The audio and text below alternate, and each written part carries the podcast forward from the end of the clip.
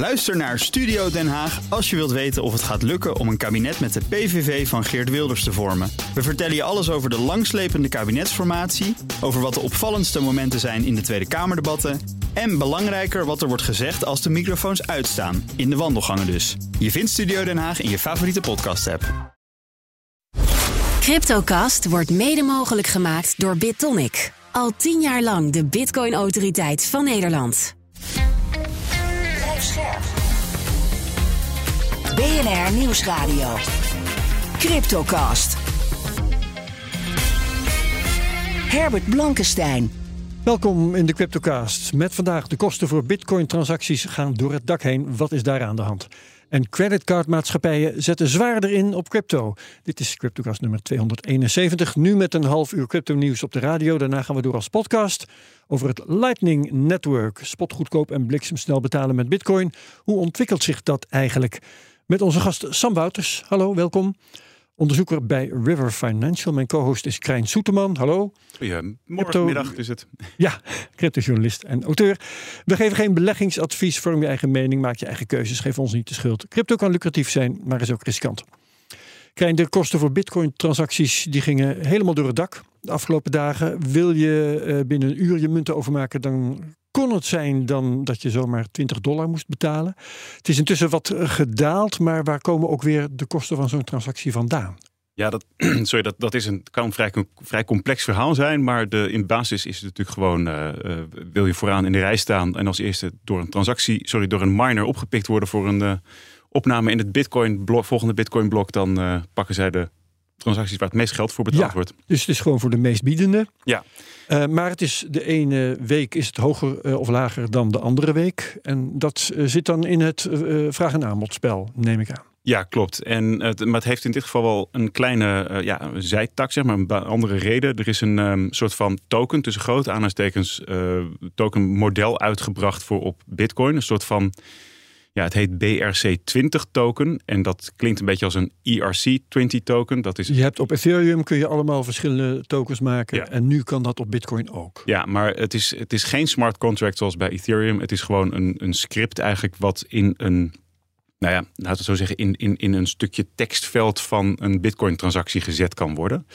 Um, en daarmee kun je een soort van, soort van tokens maken. En met name als uh, uh, Pepe, uh, Ordi, Meme, Sheep van Shiba. Nou, en we zien nog, ja. nog andere namen. Maar goed, het zijn in elk geval kindjes van Bitcoin als het ware. Ja. Het zijn wel andere tokens, maar ze worden weggeschreven op de Bitcoin blockchain. Ze zijn praktisch waardeloos. Alleen al wordt er wel weer waarde aan toegekend. Nou, dat kun je zeggen, maar er was er, er was er eentje pas, las ik, met een marktkapitalisatie van een half miljard.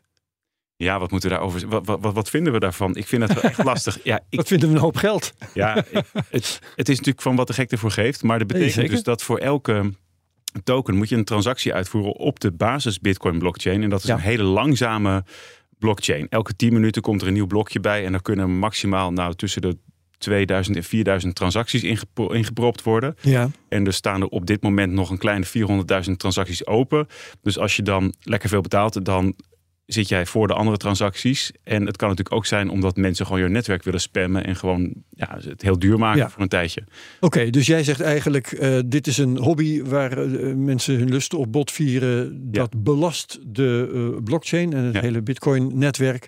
En maakt de transacties voor mensen die normaal willen doen met Bitcoin duur. Ja, klopt. En je, zag het een tijdje geleden ook al met die zogenaamde ordinals, oftewel plaatjes op de Bitcoin blockchain. Ja, de NFT's. Die, die, die lol was al vrij snel er vanaf. Mhm. Toen gingen de, bit, toen gingen de eh, transactiekosten weer snel naar beneden.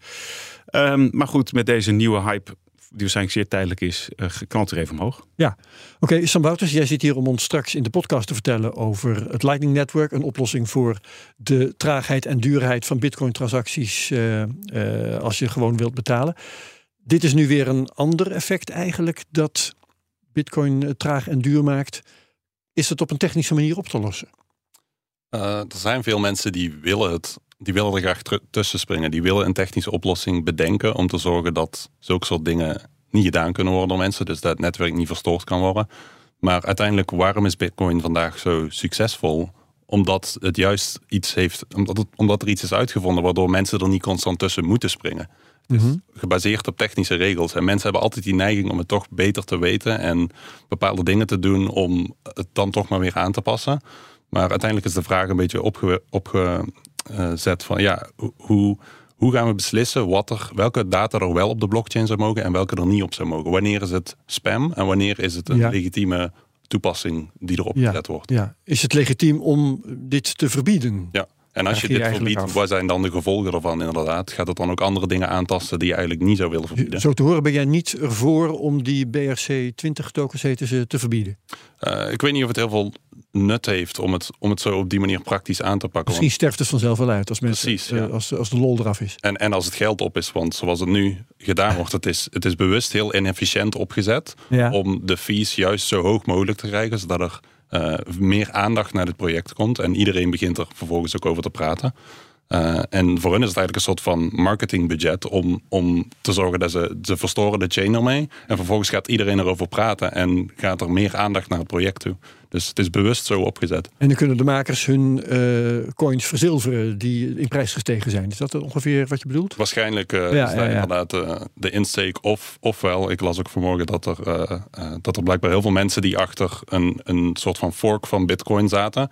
Die eigenlijk uiteindelijk ook gefaald is. Dat er veel van de mensen die daarmee bezig waren nu achter dit project zitten. Om proberen het zo groot mogelijk te maken en bitcoin te verstoren. Zodat zij kunnen zeggen, kijk we hadden gelijk. We moeten grotere blokken hebben. En eh er moeten maar allemaal meer Ah, ja, ja, ja. van die transacties in kunnen. Ja, een ideologische kwestie is dat dan weer. Ja. Ehm, intussen, Krijn, waren er ook problemen bij Binance die hier wel iets mee te maken hadden. Hè? Daar was, eh, ehm, eh, waren ook allerlei transacties opgehoopt.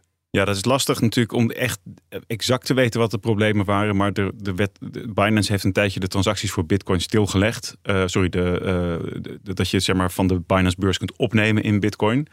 Ehm, en dat heeft er vermoedelijk mee te maken dat, er, eh, dat de transactiekosten zo hoog werden.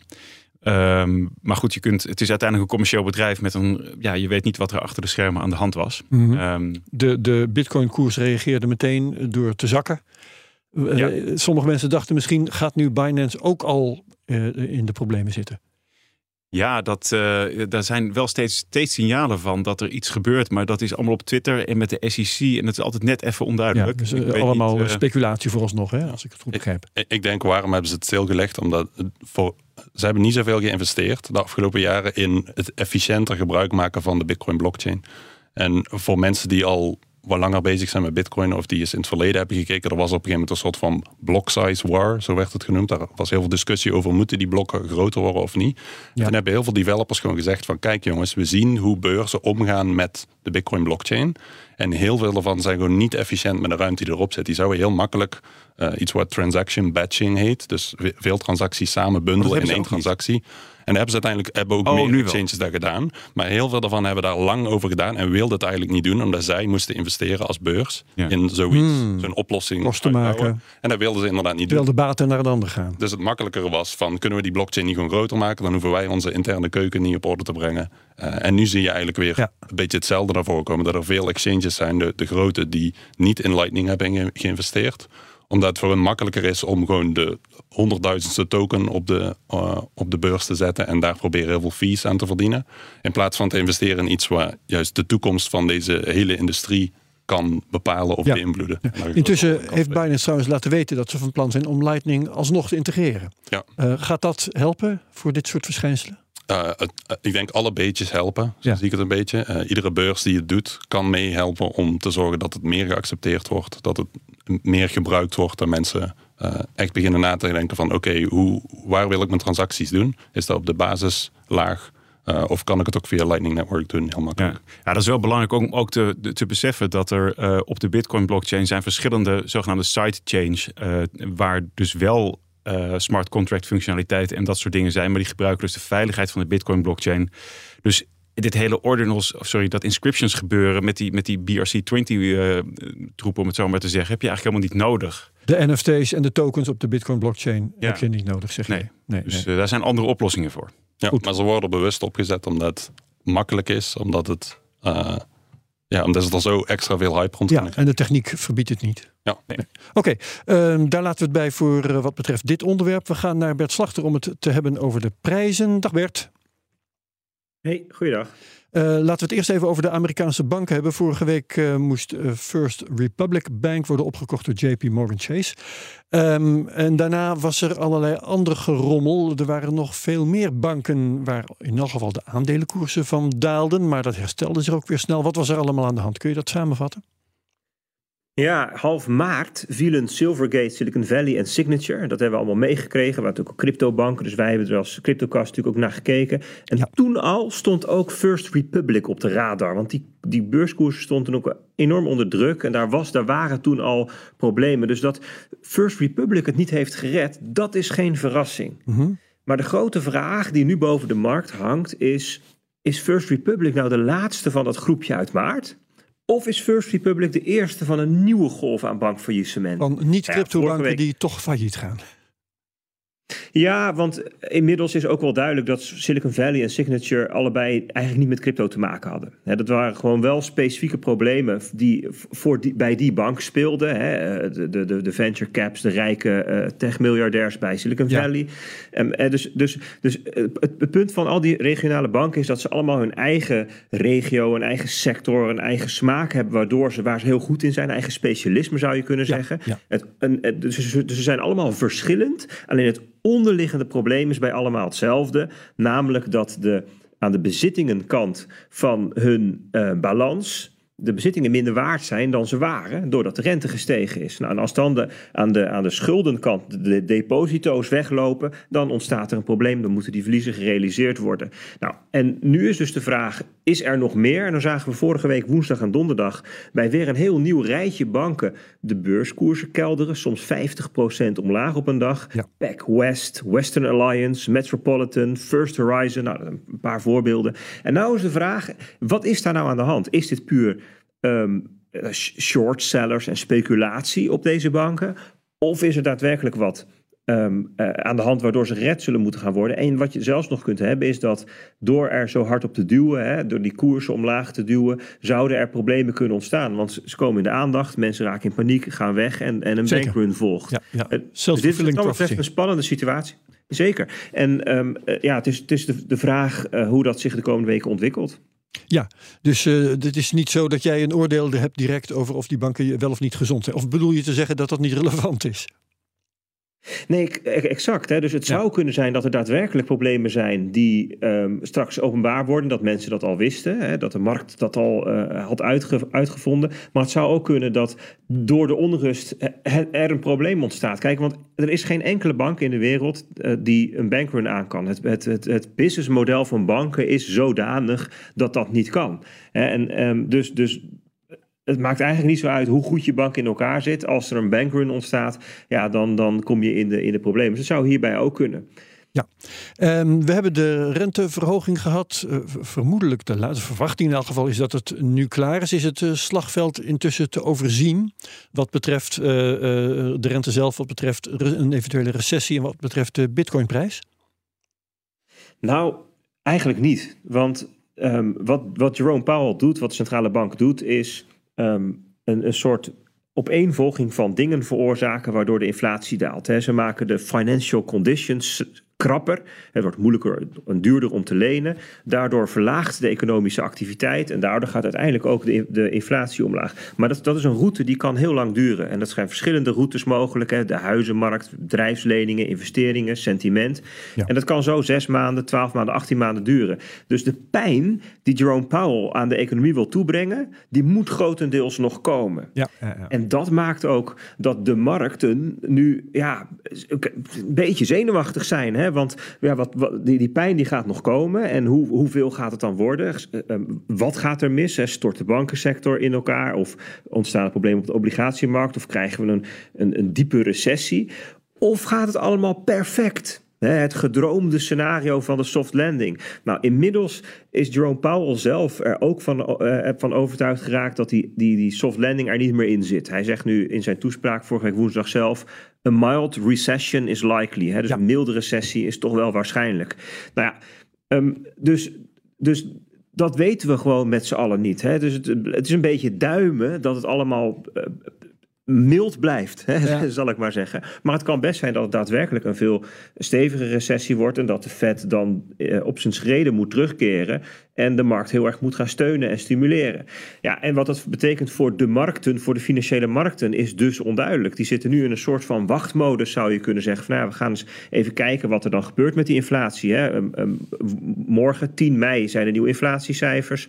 Komende weken zullen we meer data krijgen over de werkloosheid, over de, de, de winstcijfers van bedrijven. Nou, dat gaan we dus allemaal maar afwachten. En, en dan Ja.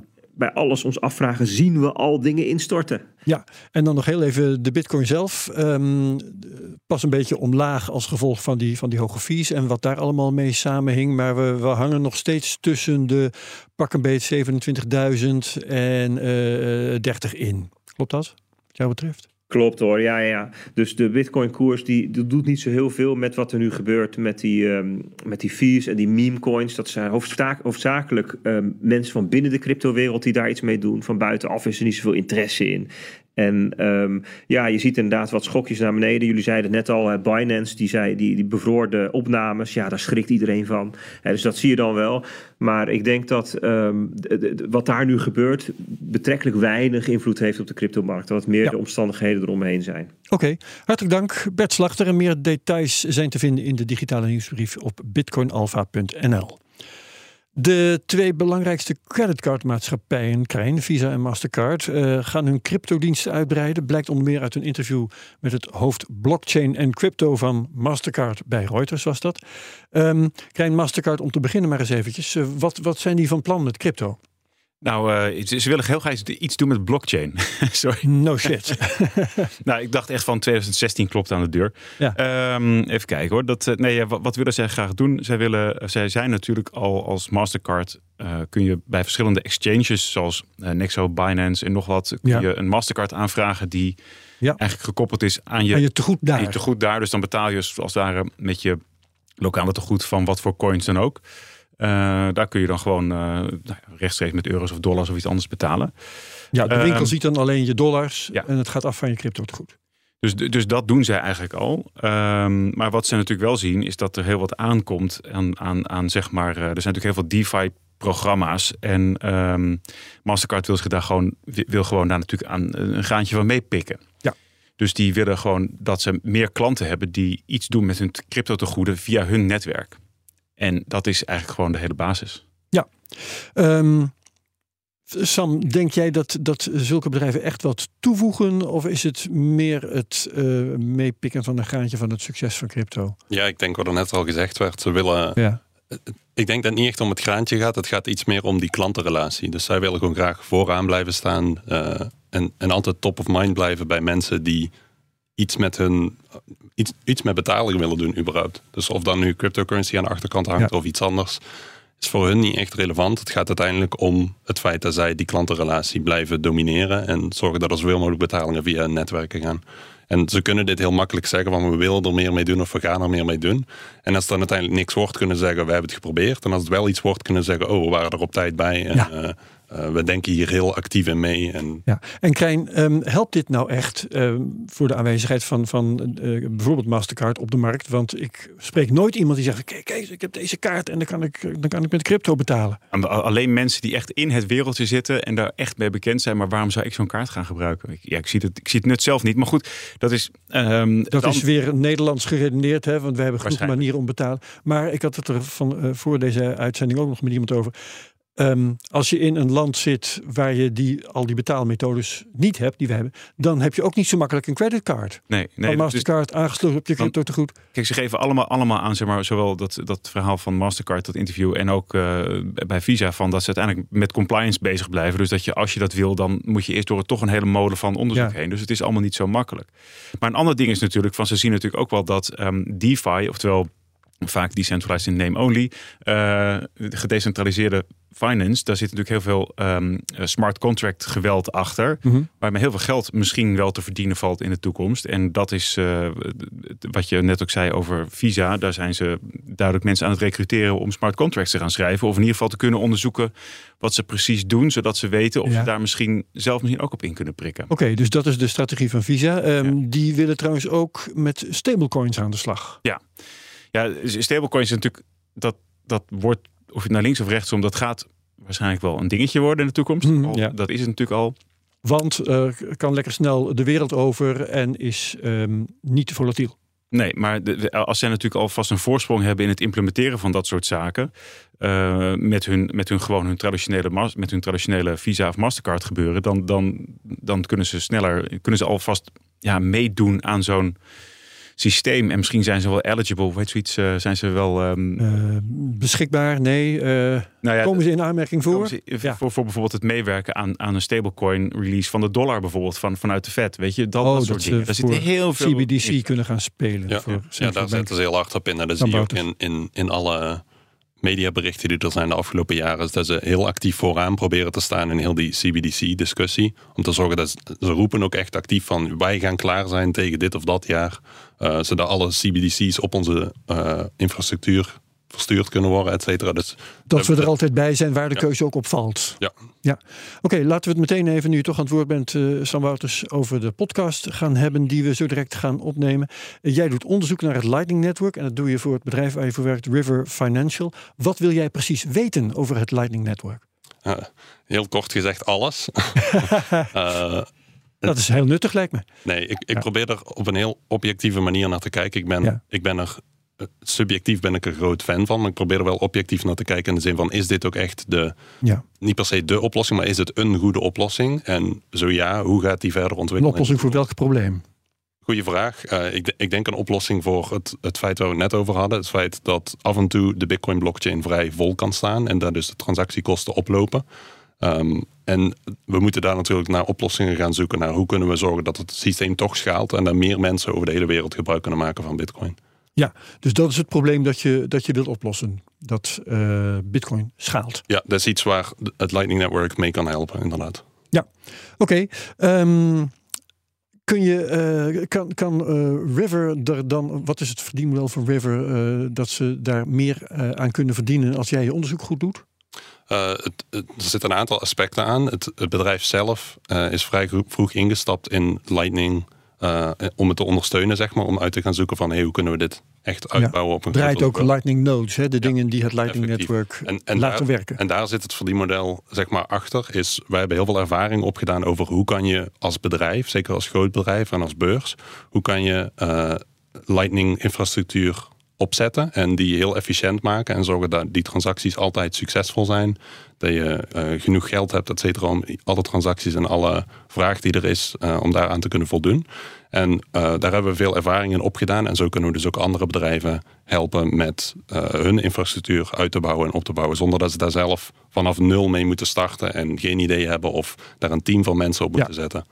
Dus eh, daar, bieden wij diensten en een oplossingen aan. Prima, daar gaan we in de podcast uitgebreid op in. Eh, dank voor dit moment. Sam Wouters van River Financial, mijn co-host Krijn- Soeterman, eh, cryptojournalist en auteur, ook hartelijk dank. Wie meegaat naar die podcast, heel erg graag. Eh, zo niet, dan is het ook goed en graag dan tot de volgende keer bij de Cryptocast op BNR. Cryptocast wordt mede mogelijk gemaakt door BitTonic. Al tien jaar lang de Bitcoin-autoriteit van Nederland. Ook Diana Matroos vind je in de BNR-app. Ja, inderdaad. Je kunt live naar mij luisteren tijdens de Big Five. Ook handig in de BNR-app. Breaking nieuwsmeldingen, maar ook het allerlaatste zakelijke nieuws. En je vindt in de app alle BNR-podcasts, waaronder Wetenschap Vandaag. Download nu de gratis BNR-app en blijf scherp.